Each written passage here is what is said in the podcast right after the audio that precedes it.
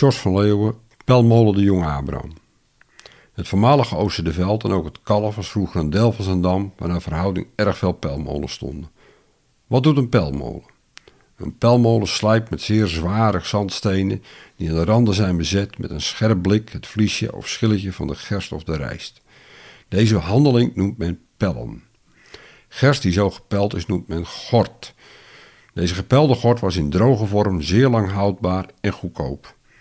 Het was dan ook het voornaamste voedsel van de gewone bevolking voordat de aardappel in Europa op het menu kwam.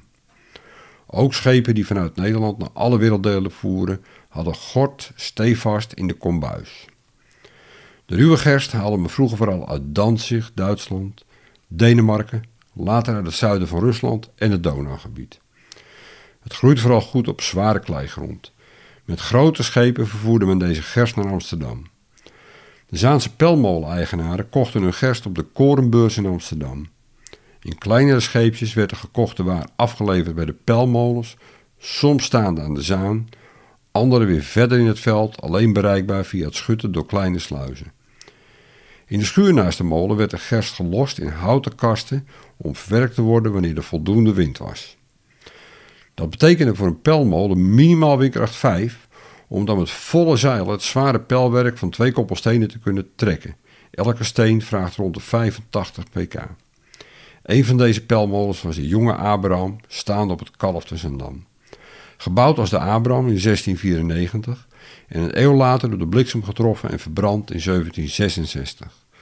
Bij herbouw verrees een nog hogere en zwaarder gebouwde molen dan zijn voorganger, die de toepasselijke naam kreeg de Jonge Abraham. Zijn bestaan als pelmolen eindigde in 1898 toen molenmaker Simon Gras de molen kocht en zo pettenbaas werd. Een pettenbaas was vaak een molenaar die de molen overnam van de moleneigenaar, die overstapte naar het nieuwe fenomeen stoomfabriek en de oude molen voor een zacht prijsje overdeed aan een van zijn knechts.